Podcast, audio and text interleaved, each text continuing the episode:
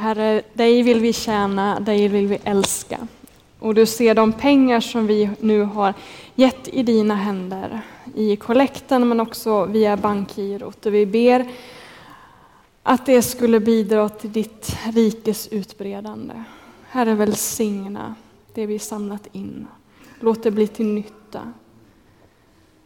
Herre, låt oss få ta emot ditt ord denna stund. Herre, öppna våra hjärtan. I Jesu Kristi namn. Amen. Den här predikan kan lämna några frågetecken efter sig. Så om du känner att jag har en del frågetecken som jag behöver rätta ut så kan man gå till Oasen efter gudstjänsten så finns jag där för förhoppningsvis vara till någon hjälp och svara på frågor och reda ut en del som kanske var svårt att förstå. Eller vad jag ville säga med det. Det är ju så att vi håller på med den här hösten en predikoserie kring temat omvändelse. Eh, och vi började med att gå igenom lite kring eh, frälsningshistorien och sen talade vi kring omvändelsens källor såsom dopet och bönen. Eh, och i söndags så predikade Fredrik om kroppens omvändelse. Och idag ska jag tala över ämnet munnens omvändelse och nästa söndag är det hjärtats omvändelse. Det står ju mycket i Bibeln om munnen och om tungan, eh, om att man ska använda den till att tala gott, till att inte skvallra, inte förtala, utan säga det som är uppbyggligt och det som bygger upp eh, och skapar fred och försoning. Och jag tänker att det där kan ni säkert allting om, så där tänkte jag lämna därhän. Och istället så tänkte jag prata om ett tema som vi kanske inte alltid samlas kring och det är ordet hädelse. Hädelse. Eh, det är vad jag tänkte tala kring. Och anledningen är att det är en text som har surrat i mitt bakhuvud i oktober månad här och den kommer från första Timoteusbrevet. Det är Paulus som skrivit till sin vän Timoteus i slutet av sitt liv och han blickar tillbaka. Och så här uttrycker han sig i det första brevet, i det första kapitlet, vers 12 och framåt. Jag tackar honom som har gett mig kraft Kristus Jesus, vår Herre, för att han fann mig värd förtroende och tog mig i sin tjänst. Mig som förut var en hädare och hänsynslös förföljare. Men jag mötte förbarmande därför att jag handlade i okunnighet och i min otro. Vår Herres nåd har överflödat med tro och kärlek i Kristus Jesus. Detta är ett ord att lita på och värt att helt ta till sig. Kristus Jesus har ju kommit till världen för att rädda syndare och bland dem är jag den största. Men jag mötte förbarmande. Och det för att Kristus Jesus skulle kunna visa allt sitt tålamod på mig som den första, urtypen för dem som ska komma till tro på honom och vinna evigt liv. Paulus säger här att han förut var en hädare. Och det är starka ord med tanke på att Paulus faktiskt var en from man innan han mötte Jesus. Han hade studerat skriften och han bemödade sig verkligen om att gå Guds väg. Hur kan Paulus säga att jag förut var en hädare? Vad är det han menar? Om man slår upp ordet hädelse i ett sånt här bibelregister så märker man att, att när ordet förekommer så används det ofta av de kristna i Nya Testamentet. Dåtidens religiösa människor anklagade de kristna för att häda, för hädelse. Ett exempel är till exempel diakonen Stefanos som man kan läsa om i Apostlagärningarna kapitel 6 och framåt. Stefanos blev anklagad för hädelse och man valde att stena honom till döds. Och en av dem som fanns med där vid den här avrättningen av Stefanos, det var just Paulus. Han fanns med där vid avrättningen av Stefanos. Och det var bara en i raden av alla de avrättningar som han var med vid. Det står i Apostlagärningarna att han andades mordlust mot de kristna. Inte nog med att han förföljde de kristna i Israel, i Palestina, utan han vill även ha tillstånd till att få göra det i Syrien, i Damaskus. Vad var det i den kristna tron som väckte en sån anstöt i Paulus, som gjorde att han började andas mordlust? För att vi ska förstå något av det som hände i Paulus liv så ska vi gå till ett annat brev av Paulus, nämligen kapitel 1 i Romarbrevet. Ehm. Och det kapitlet handlar om någonting helt annat, det handlar om tillbedjan. Tillbedjan och hädelse är ju varandras motsatser. När man tillber Gud då ärar man honom. När man, när man hädar Gud, då vanärar man honom. Tillbedjan och hädelse är varandras motsatser. Och så här står det i Romarbrevet 1. Ty Guds vrede uppenbaras från himlen och drabbar all gudlöshet och orätt hos de människor som håller sanningen fången i orättfärdigheten. Det man kan veta om Gud kan du ju själva se. Gud har gjort det uppenbarat för dem. Ty allt sedan världens skapelse och hans osynliga egenskaper, hans eviga makt och gudomlighet kunnat uppfattas i hans verk och varit synliga. Därför finns det inget försvar för dem. De har haft kunskap om Gud men inte ärat honom som Gud eller tackat honom. Deras tankemöda ledde dem ingenstans och deras oförståndiga hjärtan förmörkades. Det ville gälla för visa men blev till dårar. Det bytte ut den oförgängliga Gudens härlighet mot bilder av förgängliga människor, av fåglar och fyrfota djur och kräldjur. Vad har den här texten med dagens tema att göra egentligen? Munnens omvändelse. Jo, i den här texten så stod det att, att vi är omgivna av tecken. Synliga tecken som vittnar om Guds allmakt, hans, hans, hans, hans egenskaper att skapa och göra gott. Och trots detta, trots att vi blickar ut över en skicklig tavla, så tackar vi inte konstnären utan vi tackar tavlan. Vi blir till dårar som tackar tavlan istället för konstnären. Eh, människan blev trots sitt förnuft och sin visdom till en dåre. Där hon stirrar sig blind på fel saker. Hon tillber inte Gud trots att hon är omgiven av tecken som ska leda till just tillbedjan. Och så står det så här, vers 28, lite längre ner. Eftersom de föraktade kunskapen om Gud lät han dem hemfalla åt föraktliga tankesätt så att de gjorde det som inte får göras. Alltså de föraktade kunskapen om Gud, vilket ledde i sin tur till ondska. Så kommer en hel lista på olika saker.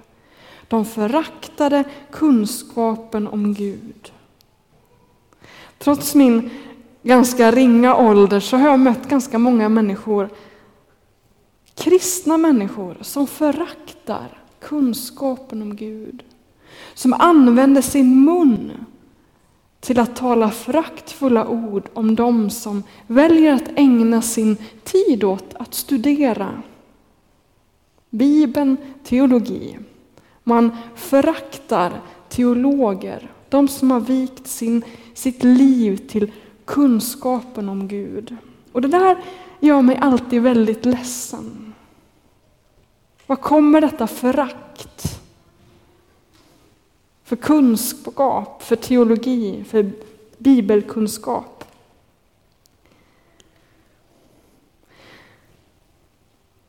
Som jag sa förut, hädelse och tillbedjan, det är varandras motsatser. Man kan använda sin mun till att både tillbe Gud och till att vanära honom. Likaså kan man studera teologi, studera den här boken utifrån olika utgångspunkter. Man kan använda eller studera utifrån viljan att smäda Gud, hitta fel. Man kan också studera det här ordet i viljan att kunna på ett bättre sätt tillbe honom. På ett fylligare sätt kunna uttrycka vad han har gjort för oss i frälsningen och, och allt annat. annat. Förstås är det som med allt annat att man kan ha olika motiv med saker och ting och så är det också med teologistudiet. Men det finns ändå de här olika sidorna. Att studera, att söka kunskap för att kunna smäda Gud, men också att söka kunskap för att kunna lovsjunga honom och tillbe honom än mer. Kunskap kan leda till både gott och ont. Och som det stod i romabrevet så tenderar människan ibland att, att hålla kunskapen fången i orättfärdigheten. Att låta kunskapen tjäna onda syften. Jesus han anklagade dåtidens teologer för att använda sin kunskap till onda syften. Han var väldigt skarp med, mot de skriftlärda. Och det var för att de ville bli beundrade för sin lärdom de studerade för att de själva ville bli beundrade, inte för att kunna beundra Gud. Att kunna beundra konstnären, skaparen, frälsaren. De studerade för att själva bli beundrade. Och när Gud väl stiger ner i mänsklig gestalt i Jesus Kristus så blir de så provocerade. De blir så provocerade. De säger att du står i djävulens tjänst säger de om Jesus. Varför blir dåtidens skriftlärda så hotade av Jesus? Så hotade så att de hädar honom. Kan det vara så att de är så oerhört rädda för att ha fel? Att de är så rädda att Jesus ska hota hela deras trosystem. Deras lära, hela deras fina system som de har tänkt ut, designat. De ville bli beundrade för sin lärdom. De ville inte beundra Gud. Därför använde de sin mun till att häda Jesus istället för att falla ner i tillbedjan. Därför hädar de, därför fängslar de honom, de misshandlar och de avrättar honom. De klarar inte av att ha fel. De klarar inte av att omvärdera sitt trosystem. Paulus var ju en av dessa män. Skriftlärd, from, som inte kan tåla de kristna. De hotar honom. De hotar hans fromhet, de hotar hans lärdom. Och en dag så står Jesus bara där på Damaskusvägen i ett bländande ljussken och säger Varför förföljer du mig? Står det i Apostlagärningarna 9.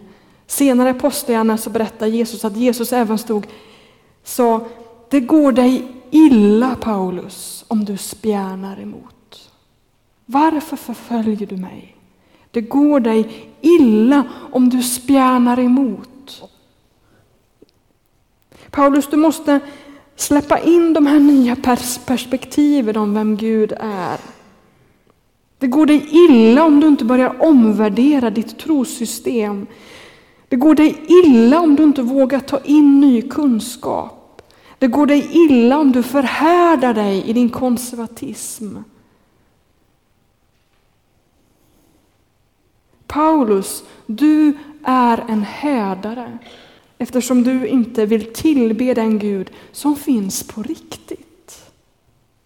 Framför dina ögon, den Gud som finns på riktigt. Du håller sanningen fången i orättfärdigheten. För en vecka sedan så läste jag en artikel av Magnus Malm som handlar om människans inkrökthet, oförmögen, människans oförmögenhet att tillbe Gud. Fredrik predikade lite kring det temat för två veckor sedan, om bönen. Eh, och I den här artikeln så skriver Magnus Malm att han stod i en matkö tillsammans med en, en teolog som hade föreläst på en kristen konferens. Och när de står där i matkön så kommer det fram en medelålders man med illa dold irritation, säger han. Ja, för mig är det här med kristen tro något väldigt enkelt och barnsligt. Han hade blivit så oerhört provocerad av det som den här teologen sa. Och så försöker han försvara det med att säga, jag har minsann min barnatro kvar. Jag har min barnatro kvar. Vad är egentligen barnatro? Är det inte så att det är barnen som är först på att ta in ny kunskap, som först lär sig hur datorn funkar, den nya tekniken, som liksom suger in ny information, ny kunskap. Det var barnen som igenkände vem Jesus var, som jublade när han red in i Jerusalem. Det var barnen som såg vem han var, som kunde ta in den här nya kunskapen. Gång på gång i den här predikoserien så har vi sagt att omvändelse, det är en process. Det är ingenting som sker en gång i livet, utan det är en process. Någonting som måste leva. Och omvändelse kan handla om en rad olika saker och det handlar också om en teologisk omvändelse. Att börja tänka i nya banor. Att ta in kunskapen om vem Gud är. Att allt mer få en korrekt bild av vem Gud är så att man på ett fylligare sätt kan tillbe Gud och ära honom för den han verkligen är. Den han verkligen är. Att omvända sitt sinne, sitt trosystem till att bli allt mer sant. Det är att vara med om munnens omvändelse. Att alltmer använda sin mun till att kunna tillbe på ett sådant korrekt sätt som möjligt. Och man kan också använda sin mun till att smäda de kristna som är, är på den där vandringen. Som väljer att ägna sin tid till att studera. Visst är det så att man ska tillrättavisa villolärare. Sådana som har felaktiga uppfattningar om vem Gud är. Men man ska inte göra det utifrån en stolthet som säger jag minsann har den rätta tron och du har fel. Då är man som de där skriftlärda som, som har sin kunskap, sin lära för att bli beundrade. Få vara med i det rätta facket. När man tillrättavisar villolärare ska man göra det i kärlek till Gud för att han ska bli ärad. Man ska hjälpa människor att, att kunna tillbe på ett sannare sätt. Ordet tro, mina vänner, handlar om att förtrösta på Gud, lita på Gud, överlämna sitt liv i hans händer. Allt för ofta i vårt protestantiska land så tror vi att ordet tro är lika med lära. Att man tror på ett visst sätt är att man har ett visst trosystem. När jag var liten, ungefär så här, så trodde jag att religion var en enda stor gissningslek. Och att den som gissade mest rätt, den kom till himlen. Som hade liksom rätt, mest rätt svar på det här provet. Så är det inte. Det är inte den som har mest rätt som kommer till himlen, utan det är den som rätt förtröstar på Jesus. Som har satt sin tillit till honom och inte till sig själv. Som i sin bristfulla kunskap, sin bristfulla trosystem sätter all sin lit till Jesus. När jag möter de här människorna som, som föraktar teologer många gånger så märker jag att det här är människor som litar allt för mycket på sin egen tro. De vill bli beundrade, de vill tillhöra det rätta gänget. Men de vill inte ära Gud. Använd din mun till att tillbe Gud, inte att smäda andra kristna.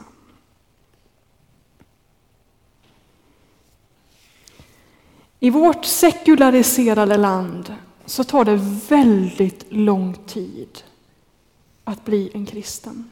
I alla fall här inne. Alltså hela världsbilden ska ju förändras. Det är mycket som ska hända. Och det måste du som har varit kristen i en evighet ha tålamod när människor ramlar in här, får en tro, låter döpa sig och säger de mest konstigaste sakerna. Som inte kan tro på jungfrufödelsen och som, ah, du måste ha tålamod med det. Det tar lång tid att vara med om den här omvändelsen huvudet. Du har haft hela din uppväxt på dig att lära dig de rätta svaren. Du måste ha tålamod. Det tar tid och det handlar om hjärtats tro. Kom ihåg det. Det som är det bästa med Alfa är ju att man i samtalsgruppen, Alfa är en, en grundkurs om kristen tro. Vi har en kurs som pågår just nu. Det bästa är ju att man får säga vad som helst i de här samtalsgrupperna. Och det är ingen som liksom smäller Bibeln på huvudet. Utan man får vara med och pröva, tänka högt. Börja umgås med den här tanken om att det kanske finns en Gud. Och så tycker jag vi ska ha det i vår församling. Vi ska vara klara med vad som är vår tro, vad vi strävar efter, men vi måste ha tålamod med människor som ramlar in här från vårt sekulariserade Sverige. Det tar tid att lära sig att tillbe Gud på ett korrekt sätt. Vi människor tenderar att allt för ofta hålla sanningen fången i orätten, som Paulus uttryckte det i Romarbrevet. Så levde Paulus. Han hade kunskap om Gud, men det ledde till hädelse, inte till tillbedjan. Men Jesus ställde sig i vägen och han fick till sist mod att våga ompröva hela sitt trosystem. Jag tror att det här föraktet för teologer ibland ut, bottnar i att de utmanar oss till att ompröva våra gudsbilder, ompröva vår bibelsyn, ompröva vår tro. Och det är viktigt. Vår rädsla, vårt förakt bottnar i en slags rädsla för att, att förlora greppet om vår gudsbild. Men mina vänner, gudsbilden måste ibland få krackelera. Gå sönder, falla i bitar för att man verkligen ska kunna se vem Gud är. När en människa i ett, i ett själavårdssamtal till exempel efter en stor kris säger till mig, jag vet inte längre vem Gud är. Och man gråter. Då jublar jag lite i mitt inre och tänker yes, nu finns det en chans för att den här människan verkligen ska få se vem Gud verkligen är. Den korsfäste mästaren. Radikalt annorlunda.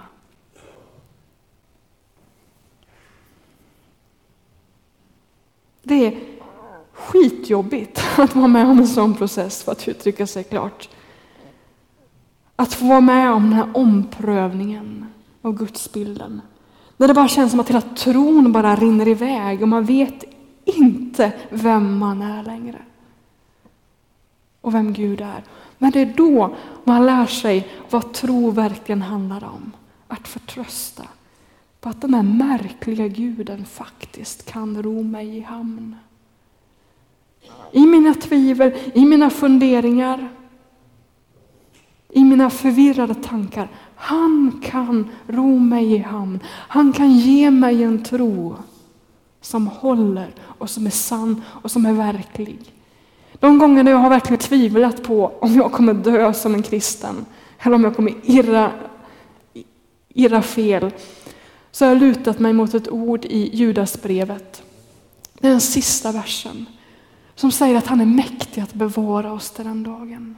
Då vi en dag ska få stå inför hans ansikte och jubla. Han är mäktig till att föra oss på den vandringen. Så att vi en dag får stå ansikte mot ansikte mot Gud sådan han verkligen är. Bortom våra gudsbilder. Det är så fantastiskt. Och den dagen kommer jag verkligen kunna få uttrycka i tillbedjan och tacksägelse vem Gud är. Tillsammans med alla människor från alla folk och språk och kyrkor och traditioner. Vi ska få stå där inför hans ansikte och då kommer vi verkligen lära känna Kristus. Sådan han verkligen är. Och fram till den dagen så måste vi ha tålamod med varandra. Vi ska diskutera med varandra, vi ska samtala med varandra om vad som är rätt och vad som är fel. Men vi ska göra det i kärlek och vi ska göra det i en vilja att tillbe honom. Det är där det handlar om. Att beundra Gud för den han verkligen är.